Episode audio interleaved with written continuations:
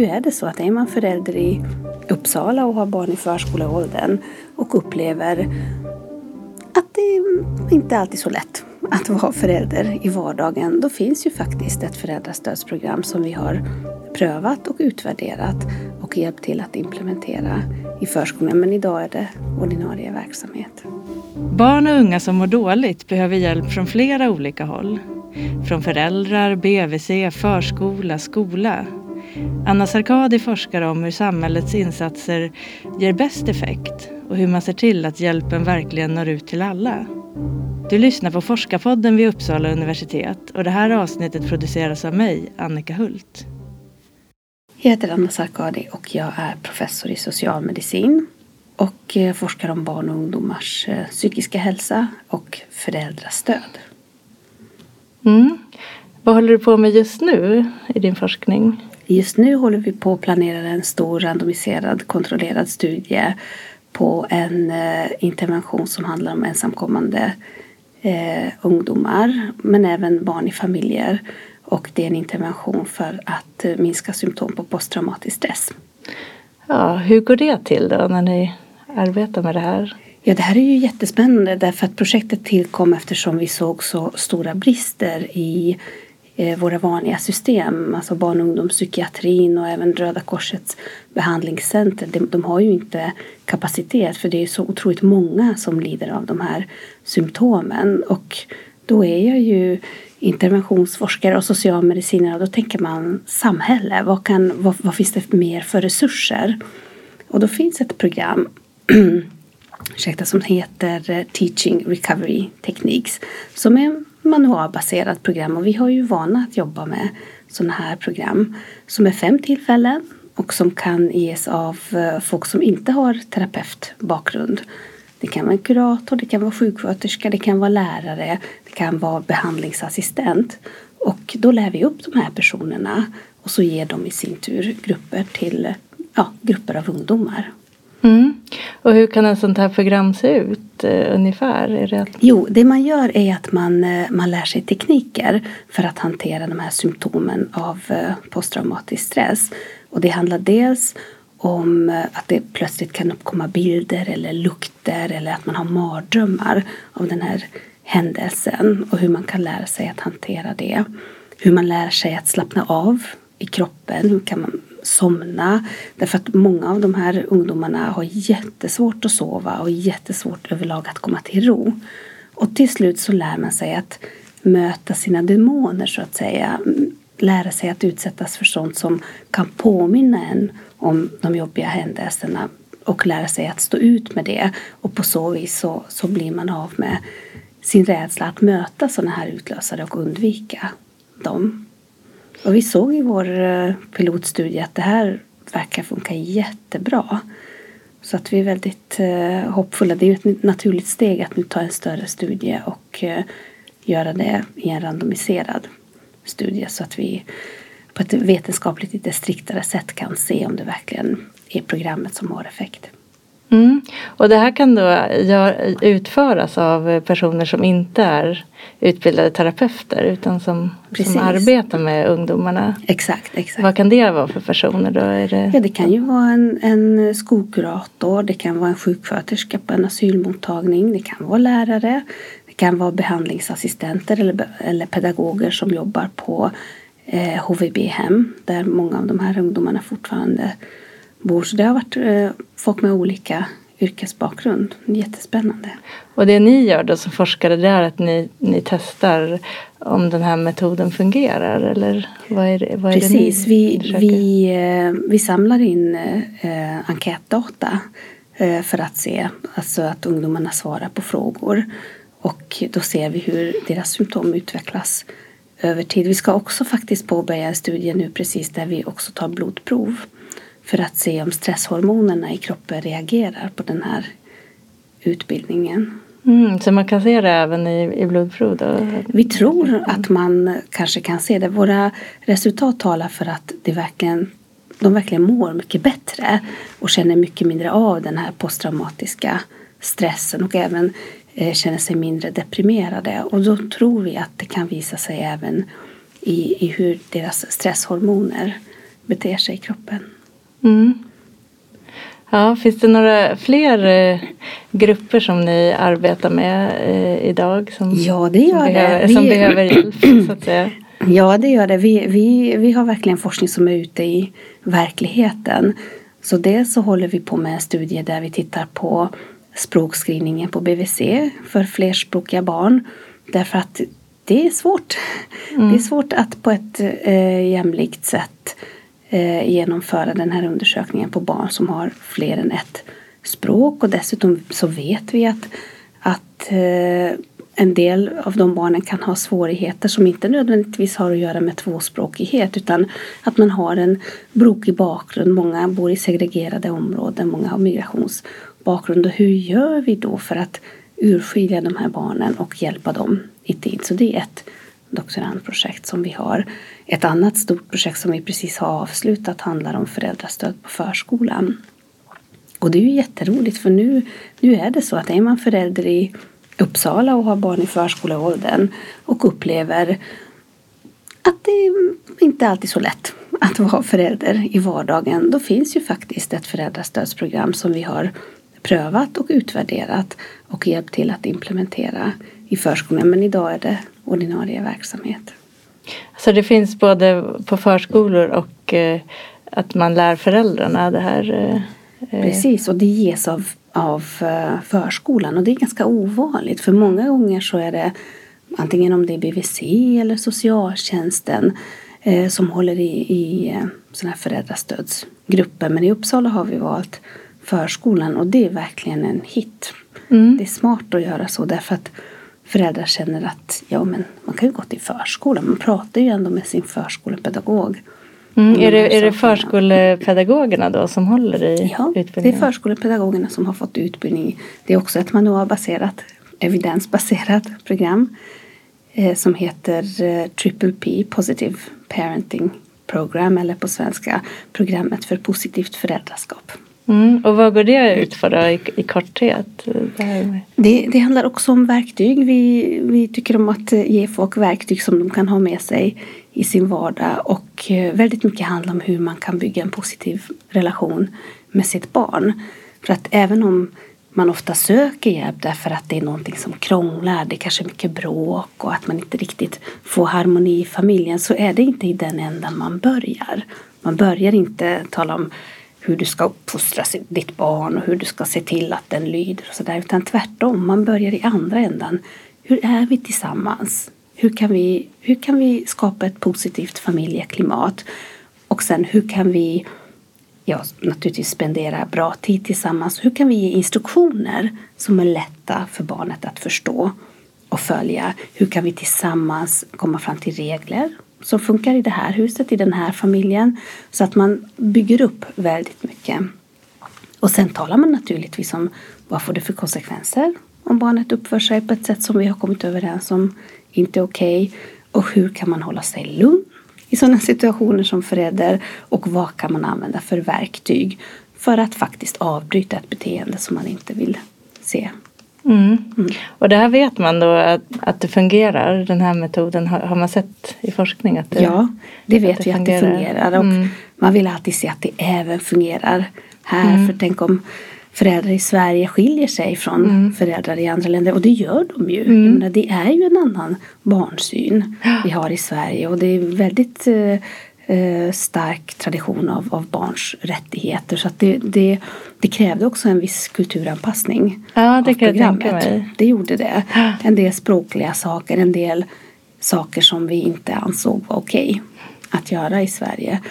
Men, eh, men det funkar jättebra. Därför att barn är barn, föräldrar är föräldrar, familjer är familjer.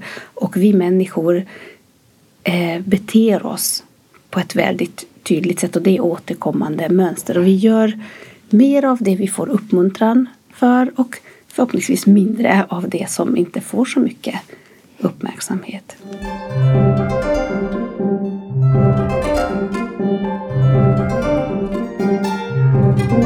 Det här är väl ett område där många har olika åsikter om vad är bra barnuppfostran och vad är inte bra barnuppfostran. Men det som ni försöker göra är att hitta eh, vad forskningen visar fungerar och föra ja, ut det. Ja, och när vi höll på med kulturanpassningen av programmet så var det ganska mycket bråk och mycket synpunkter.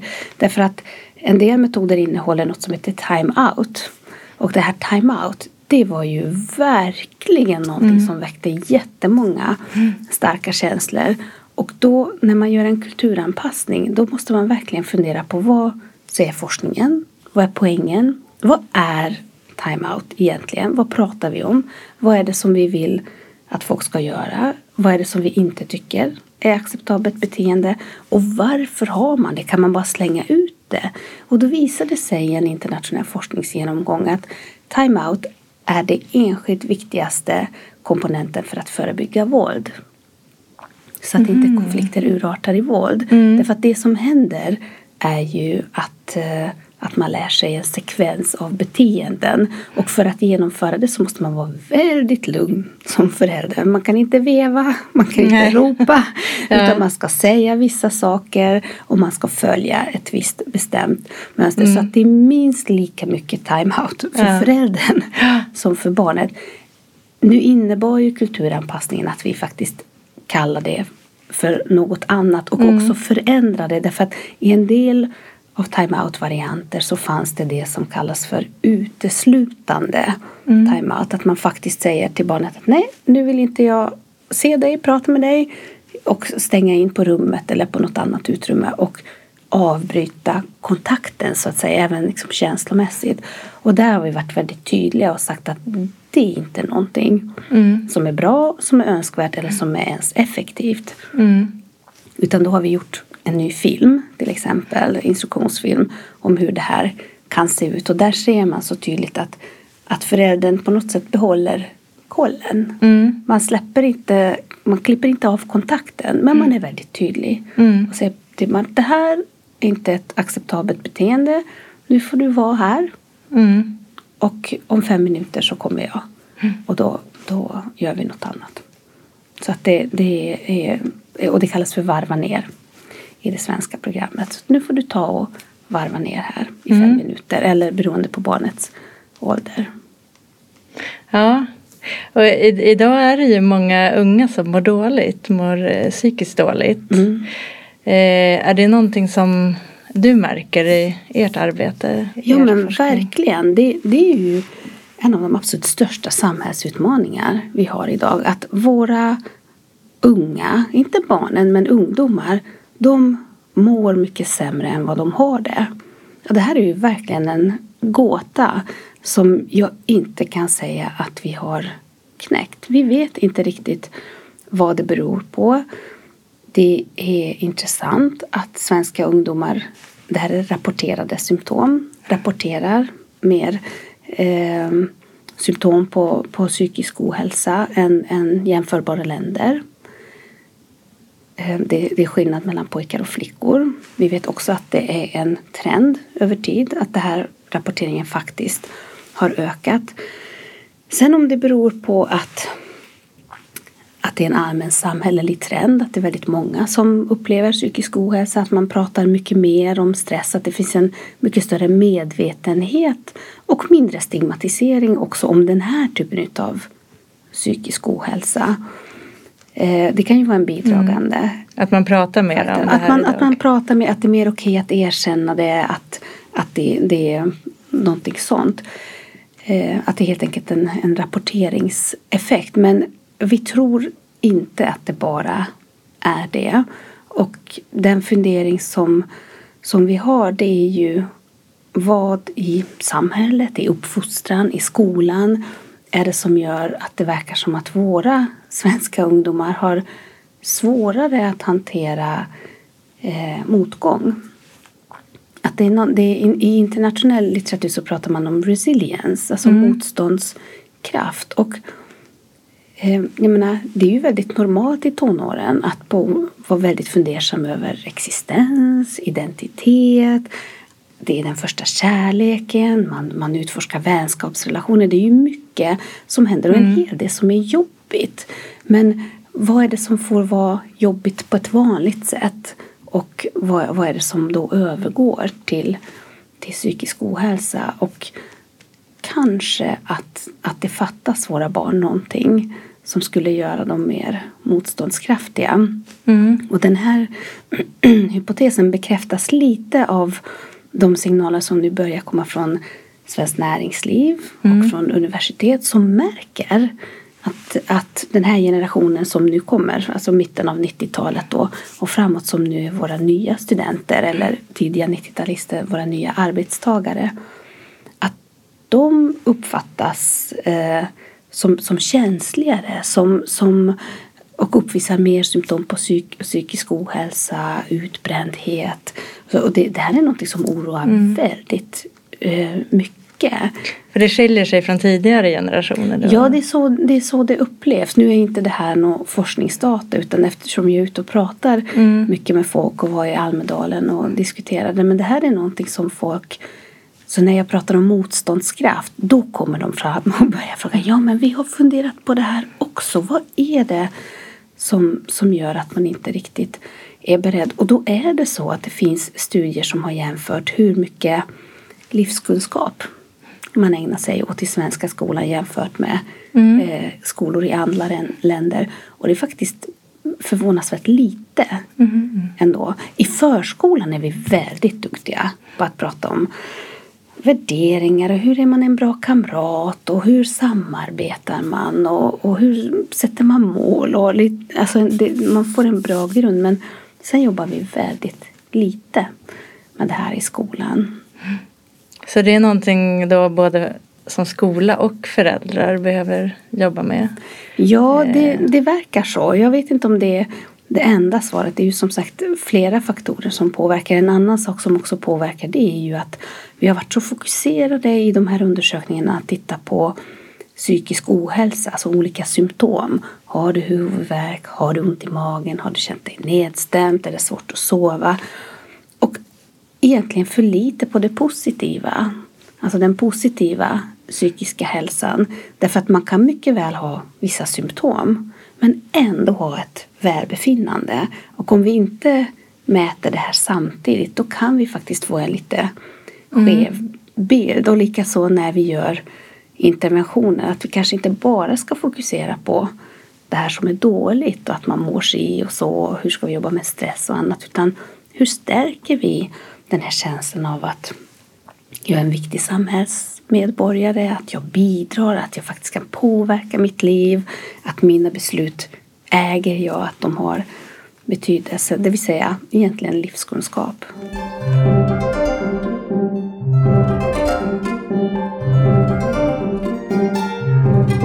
Hur ser det ut eh, om man tittar i andra länder? Hur, hur ser forskningsläget ut?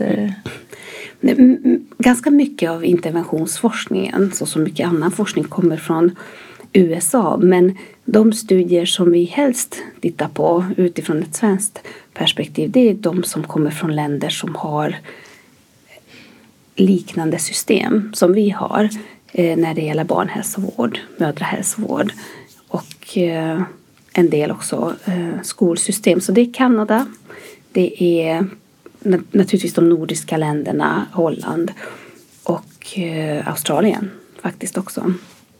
När det gäller barnhälsovård och mödrahälsovård. Därför att vi har så starka solidariskt finansierade universella system som är på något sätt någon sorts bas i allt detta. Så i många andra, i USA, varenda studie kommer fram till att men tänk om man skulle kunna nå alla eller tänk om det här inte skulle behöva kosta, som tidiga insatser eller en förskola av god kvalitet. Så att mycket av deras interventioner går ut på att egentligen försöka få fram det som redan finns i, i Sverige i små isolat. Men, men sen har de ju också väldigt mycket bra skolforskning som, jag, som vi tittar på. Därför att de har många skolor som är i utsatta områden och som har jättestora utmaningar och en hel del eh, bevis på att det finns goda arbetssätt och det tittar vi på. Mm. Och de här systemen som finns i Sverige det, det är då BVC och, och förskola och, mm. och, skola. Att, att eh, det finns en hälsovård, eh, en barnhälsovård inbyggd i dem. Ja, eh, Precis, därför, som följer barnen. ja, därför att eh, tittar man, tittar man internationellt, alltså globalt, vad är det som har betydelse för barns hälsa? Nej, men då är det sådana här saker som utbildning, så, alltså befolkningens utbildning. Att man inte har för stora orättvisor i samhället och att man har universella eh, hälso och sjukvårdssystem. Att man har mödrahälsovård som når alla och som är gratis och tillgänglig för alla. Och likaså med barnhälsovården. Det är de här stora, stora samhällsinsatserna och sen förskola av god kvalitet. Och ja, där har vi ju kommit väldigt, väldigt långt i Sverige. Vår utmaning i Sverige idag det är ju att det, eh, våra system inte riktigt lyckas kompensera för ojämlikheten och eh, snarare riskerar att, att eh, egentligen återskapa de här skillnaderna om vi inte tänker oss för. Om inte förskolorna i de mest utsatta områdena också är de bästa kvalitetsmässigt utan tyvärr så är de faktiskt sämre. Jag menar, då, då kommer vi inte kunna kompensera för de brister som annars finns i de delarna. Och likaså om BVC erbjuder någonting till alla men alla inte tar del av det. Därför att man inte förstår eller inte kan ta sig dit eller är rädd för att någon ska ta barnet ifrån en etc. Då har man inte längre ett universellt system utan det är bara erbjudandet mm. som är universellt. Så där, där, där har vi hemläxa att göra. Mm. Och vad, det, vad är det ni jobbar med tillsammans med BVC när det gäller flerspråkighet? Eh, ja, där är det till exempel att eh, Eh, det räcker inte att erbjuda exakt samma skrivningsprocedur till alla på svenska. Därför att flerspråkiga barn kanske inte har lärt sig tillräckligt bra svenska plus att man inte kan bedöma ett barns språkutveckling på det andra språket utan det måste ske både på modersmålet och i det andra språket. Men så, så fungerar det inte riktigt utan ja, man kör på svenska så gott det går. Man tar in tolk om det finns tolk, om det funkar och det, då har man ju ingen kontroll på vad tolken översätter så det, det skapas en väldig ojämlikhet egentligen när vi förfar på det här sättet utan att någon försöker göra något dumt. Eller när vi införde i Uppsala att inför tre, fyra och femårsbesöket så skulle man ha med sig en enkät om barnets psykiska ohälsa och beteendeproblem och kamratrelationer som både föräldrarna och förskolan skulle fylla i. Och det är ju ett fantastiskt sätt att, få, att ta vara på förskolans input därför att BVC träffar barnet en mm. halvtimme om året ja. och förskolan träffar barnet varje dag hela året, mm. hela tiden och är otroligt duktiga mm. på att snappa upp när något är fel. Det är ju bara det att vilka föräldrar är det som förstår betydelsen av det här, som fyller i, som kommer ihåg att lämna till förskolan, som tar med sig blanketterna? Ja, det är ju då så att det är föräldrar med, som har högre utbildning, som kan svenska och så vidare. Så att, och där måste vi ju bli fiffigare. Hur, hur, mm. hur, hur, ser vi till att även de barn som inte har de förutsättningarna, att de också fångas upp och får tidiga insatser. Och det, det är en jätteutmaning mm. för våra system. Mm.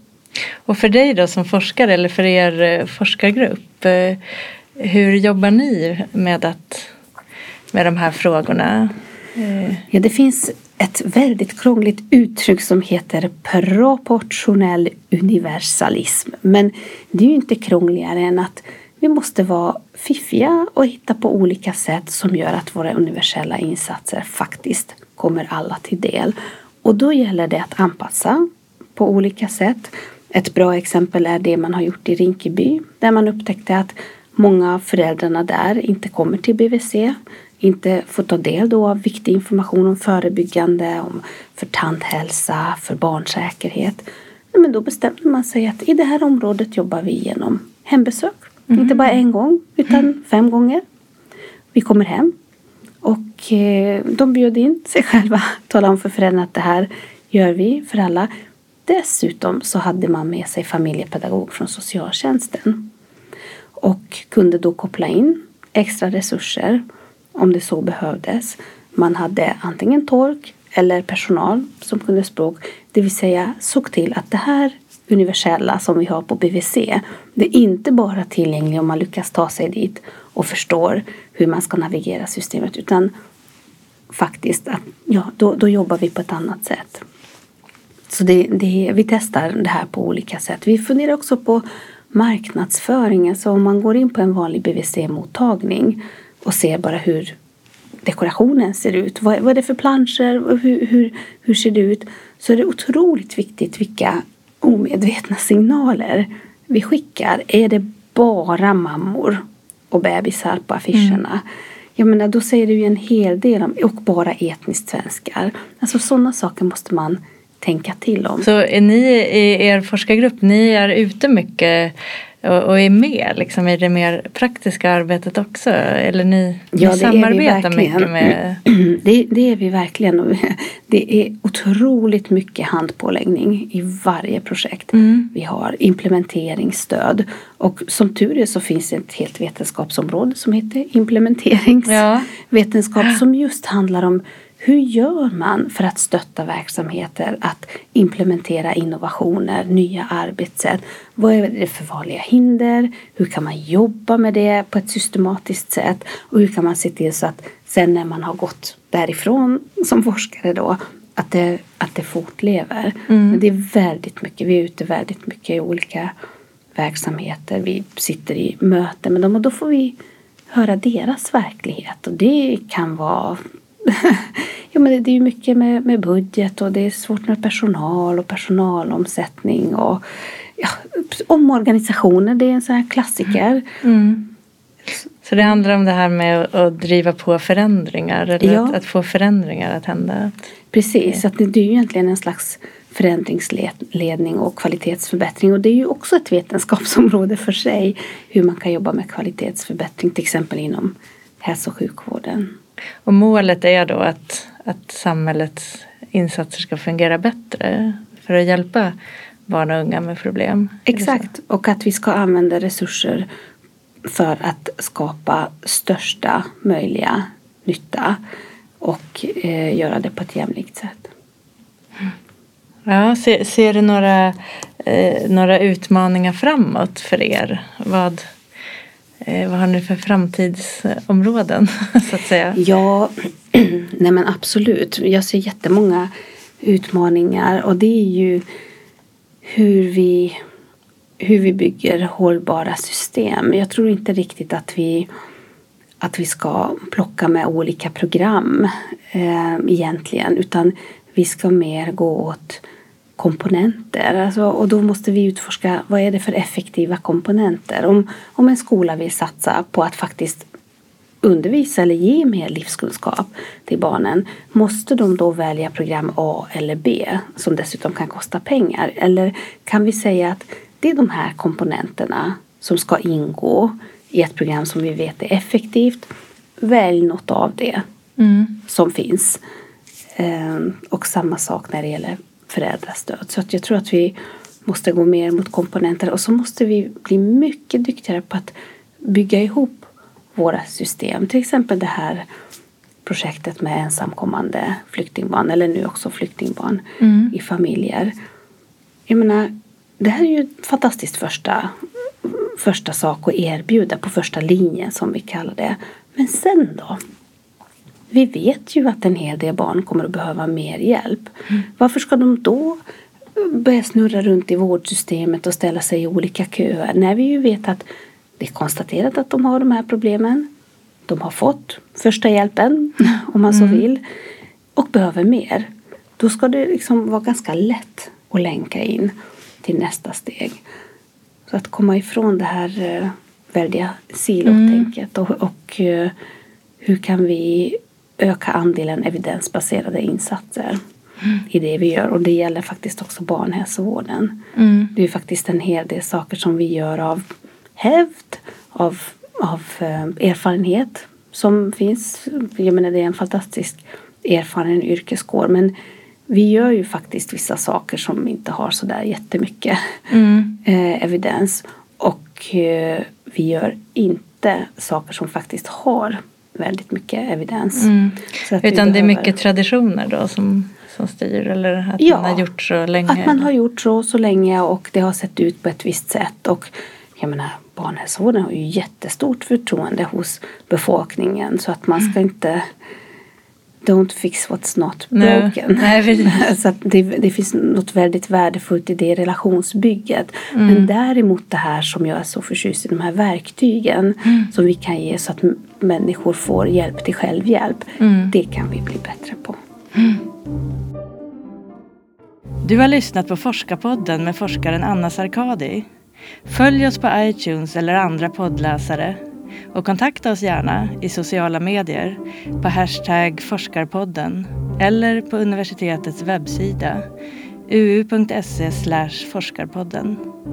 Jag heter Annika Hult och Forskarpodden produceras av Uppsala universitet med musik av Marcus Sjöblom.